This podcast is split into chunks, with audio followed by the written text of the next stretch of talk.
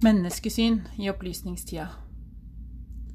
Filosofi betyr kjærlighet til visdom, og handler om å undersøke og forklare verden og naturen, og om å begrunne hvordan menneskene bør leve livene sine.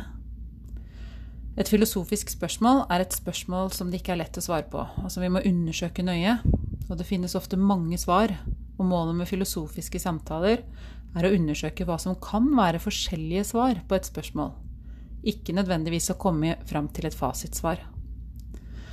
Filosofiske spørsmål er ofte evige, med det mener jeg at, de er relevante uansett når og hvor de blir stilt.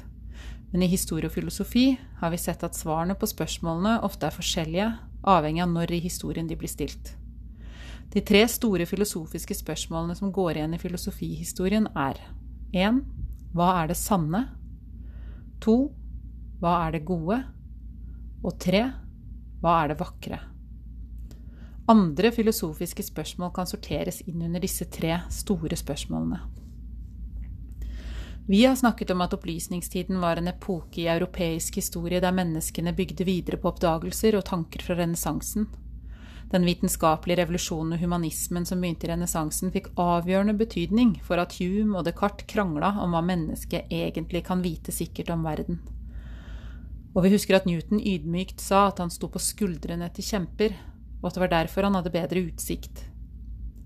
Som vi har snakket om før i dette faget, det er ofte vanskelig å si når en periode slutter og når en annen starter. Men det er sikkert at hvordan de filosofiske spørsmålene blir besvart og begrunnet, har sammenheng med den konteksten de blir stilt i. Opplysningstida på 1700-tallet handla nettopp om opplysning. I tillegg til å være en epoke som omtrent var avgrenset til 1700-tallet, så kan vi si at det var en intellektuell bevegelse, eller en måte å tenke på. Galilei og Kepler og Copernicus utfordret etablert kunnskap om verden og naturen. Krav om eksperimenter og undersøkelser ga menneskene, eh, la, eh, ga menneskene grunnlaget for nye tekniske oppfinnelser og til ny kunnskap om menneskekroppen. Boktrykkerkunsten hadde lagt grunnlaget for at disse nye oppdagelsene kunne trykkes i mangfoldige eksemplarer, og Luther han hadde gjort sitt for at bøkene etter hvert ble skrevet på morsmål, og ikke bare på latin. Opplysningstiden handler om å finne ut, undersøke, bevise, dele, være kritisk, opplyse. Under opplysningstiden ble de første leksikonene skrevet, encyklopediene, og de som ikke kunne lese, de kunne møte til appeller og taler på torgene og i salongene. Vi kan se for oss et helt annet klima for filosofisk og politisk diskusjon på 1700-tallet enn bare noen få mannsaldre tidligere.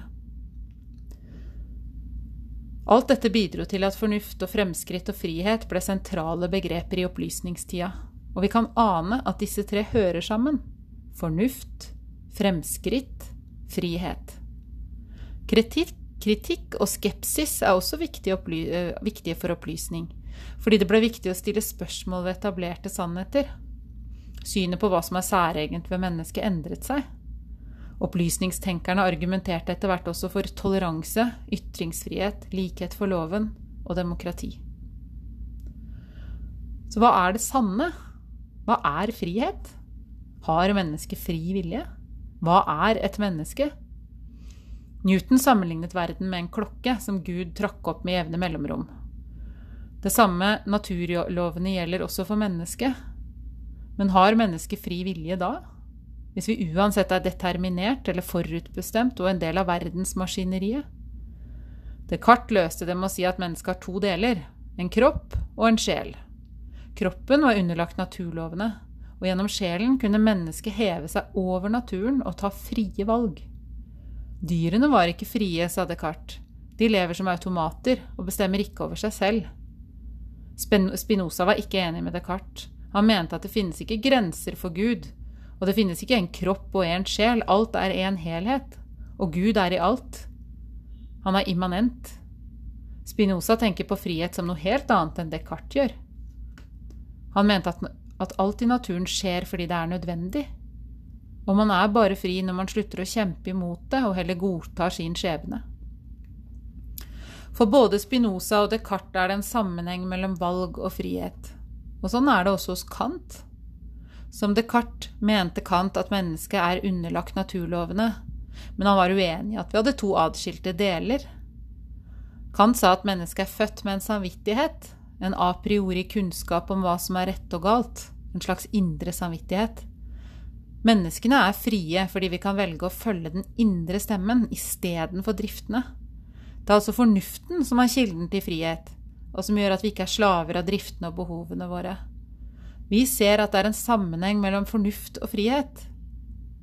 Å kunne velge å overstyre følelsene ved å bruke fornuften. Så hvorfor er menneskene, og hva gjør menneskene annerledes enn dyra? Den franske filosofen Blaise Pascal oppsummerer det fint. Han sier om hele universet veltet over det, var mennesket stadig edlere enn den makt som slo det ned. For mennesket vet at det dør, og at universet er det overmektige. Det vet universet intet om. Med dette hevder Pascal at menneskets evne til å tenke gjør oss annerledes enn alt annet i universet. Menneskets evne til å bruke fornuften og velge og handle og tenke over vår egen situasjon. Men Pascal mener at Descartes var altfor optimistisk og hadde for stor tro på fornuften. Pascal var en veldig pessimistisk filosof. Men han mente at mennesket var mye mer sammensatt enn at vi kan bare overstyre med fornuft.